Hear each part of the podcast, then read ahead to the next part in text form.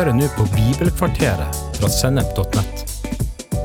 Bibelkvarteret er én kvarters påfyll i hverdagen fra Guds ord, både til inspirasjon og introduksjon til viktige temaer i Bibelen. Du vil også finne mer stoff på Sennep.nett som gir deg inspirasjon til å følge Jesus i hverdagen.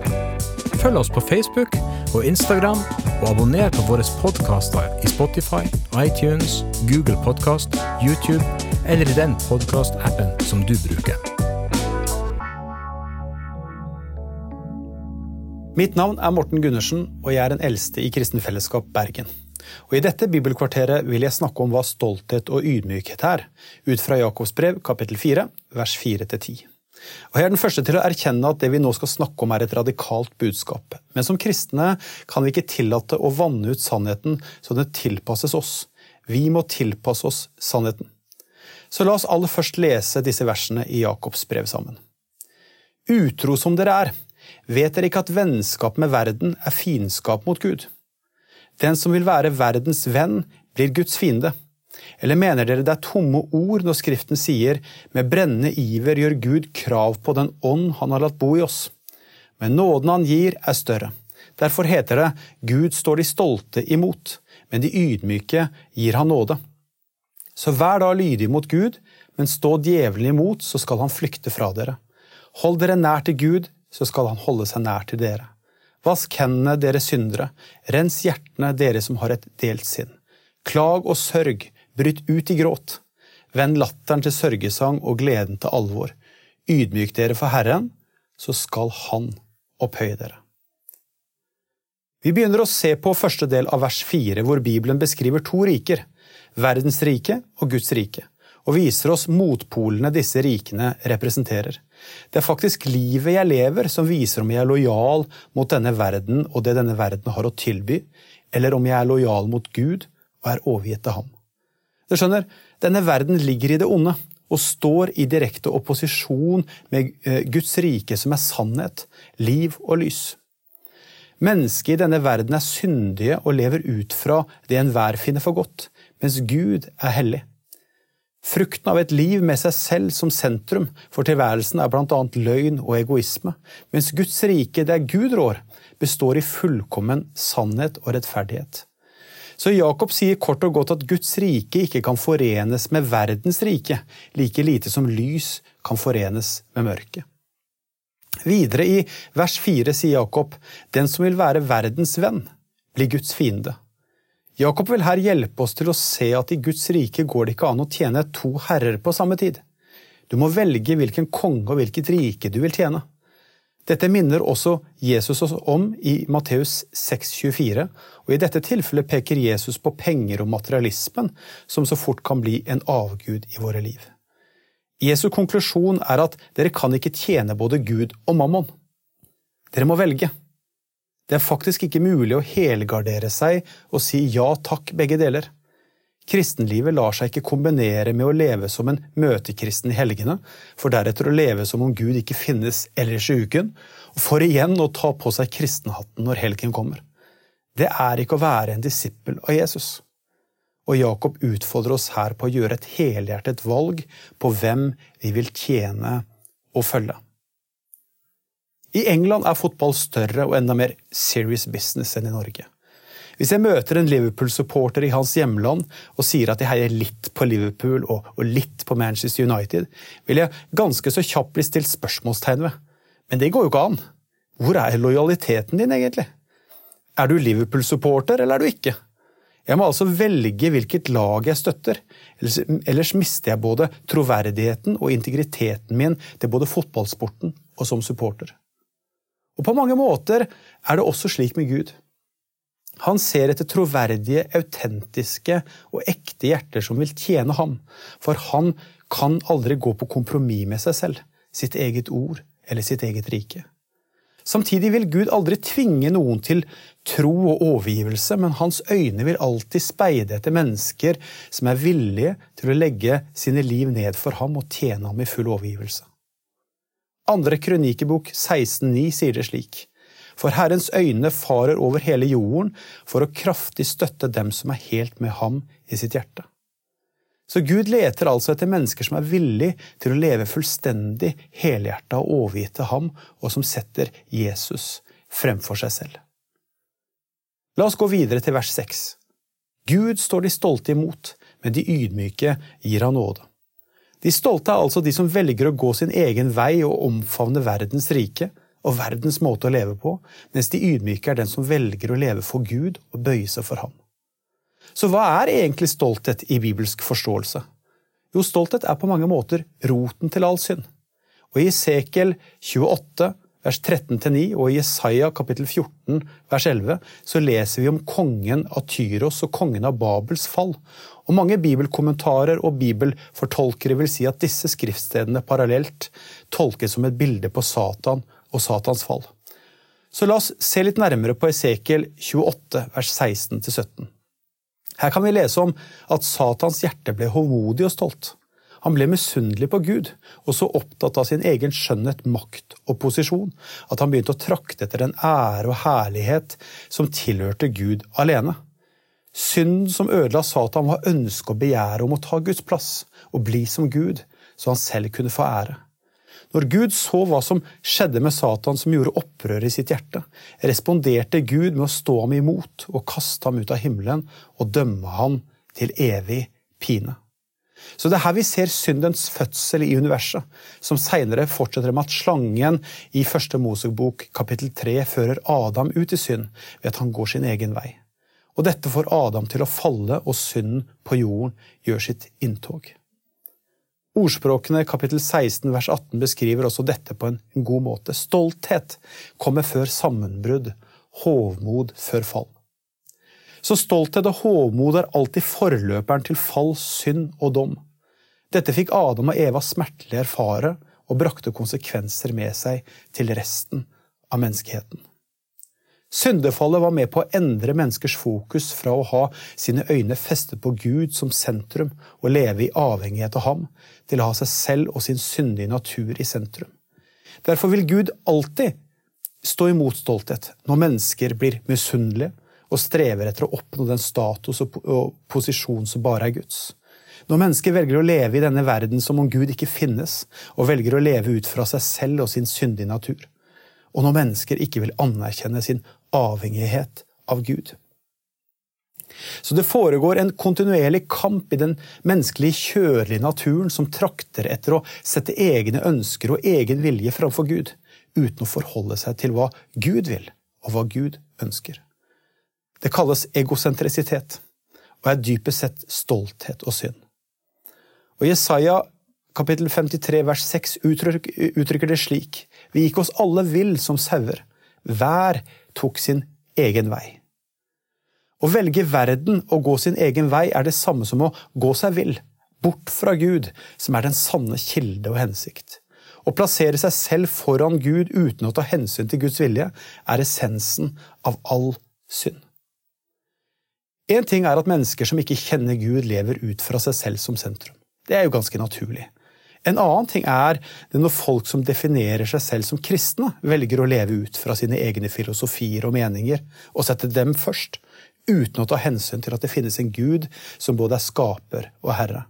Og På NRK TV om dagen så ligger det ute en serie som heter Ikke spør meg om det. Og En av episodene handler om, å få, om at folk får lov til å stille prester i Den norske kirke ulike spørsmål. De lurer på om det å være prest og implisitt kristen. Og her er et uttrykk av noen av spørsmålene som blir stilt. Har du lov til å ha sex uten å være gift?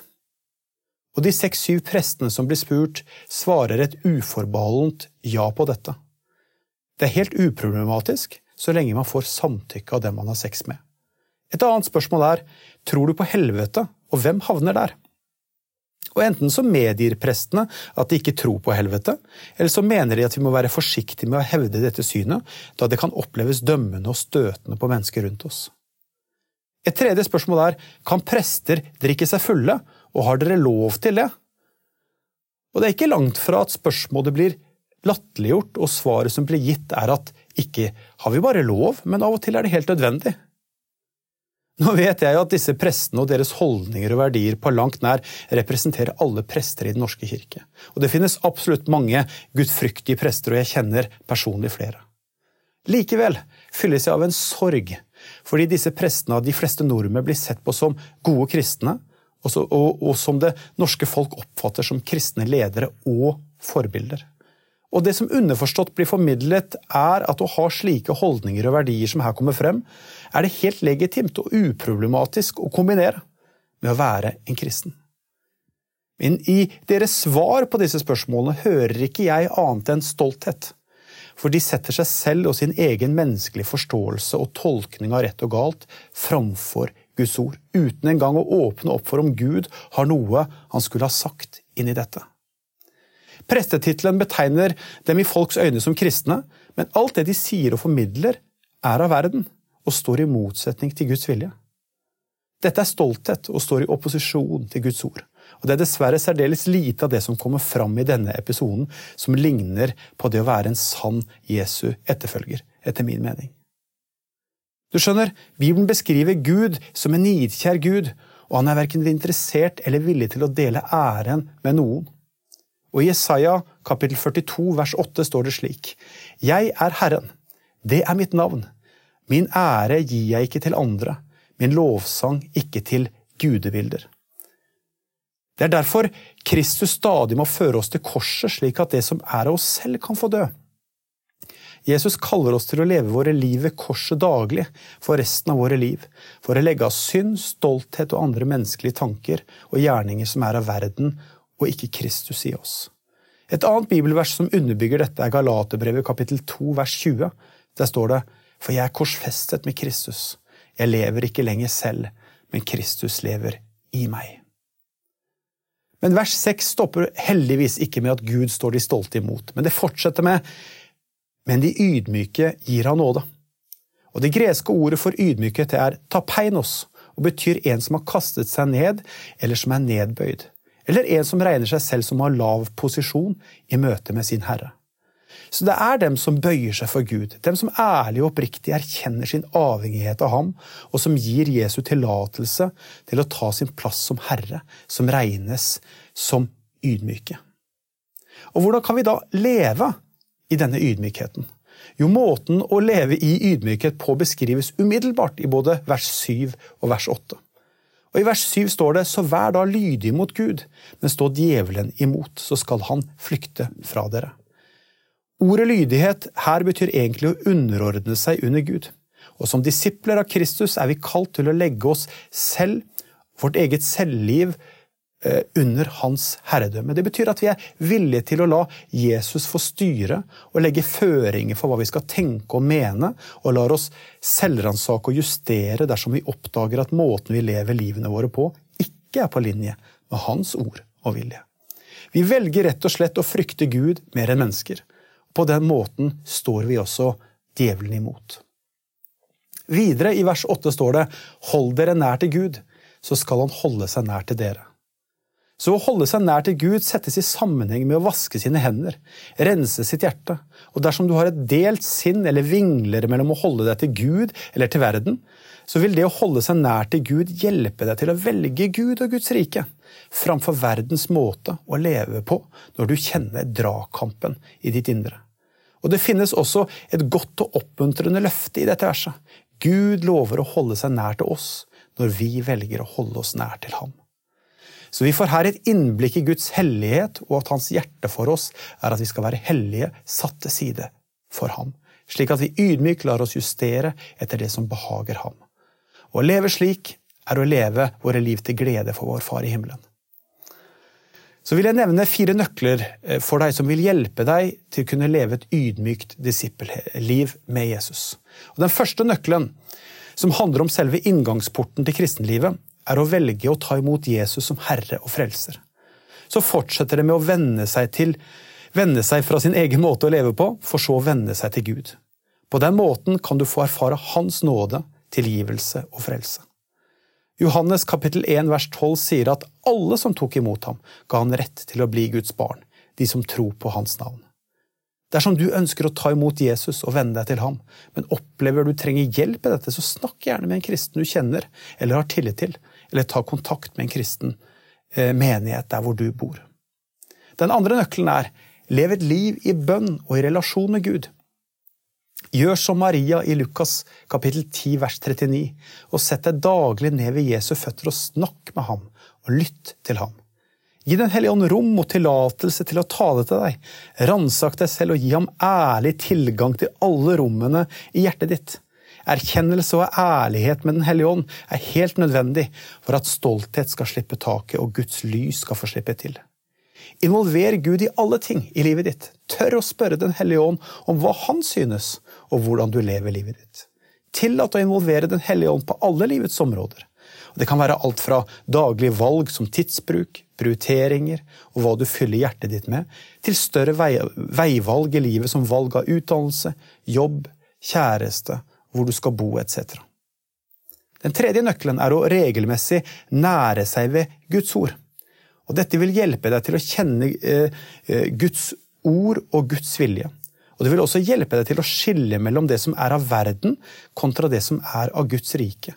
Og evnen til å skille, fordi vi kjenner sannheten, er vi mer avhengig av enn noen gang i tider med stort ytre press fra humanistiske krefter. Hebreerbrevet kapittel 4 vers 12 og 13 sier det slik. For Guds ord er levende og virkekraftig, og skarpere enn noe tveget sverd, det trenger gjennom til det kløver sjel, ånd, marg og bein, og dømmer hjertets tanker og planer.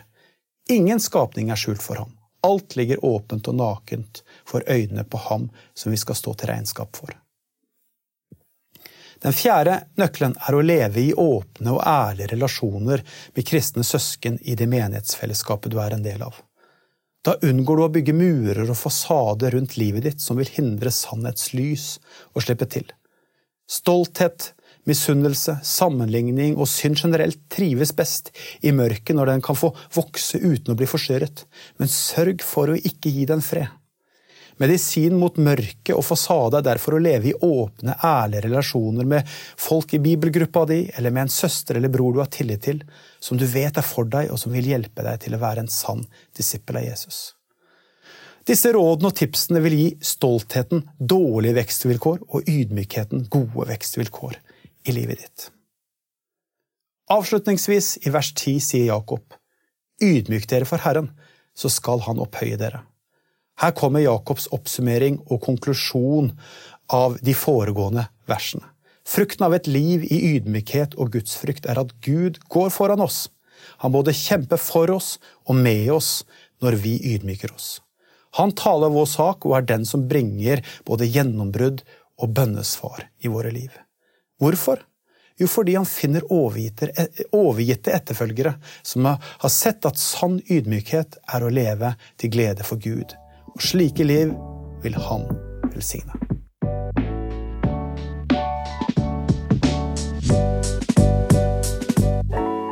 Du har hørt en episode fra Bibelkvarteret på sennep.nett.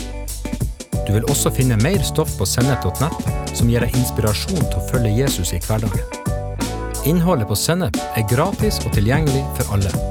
Takket være økonomisk støtte fra kristent nettverk, menigheter og enkeltpersoner.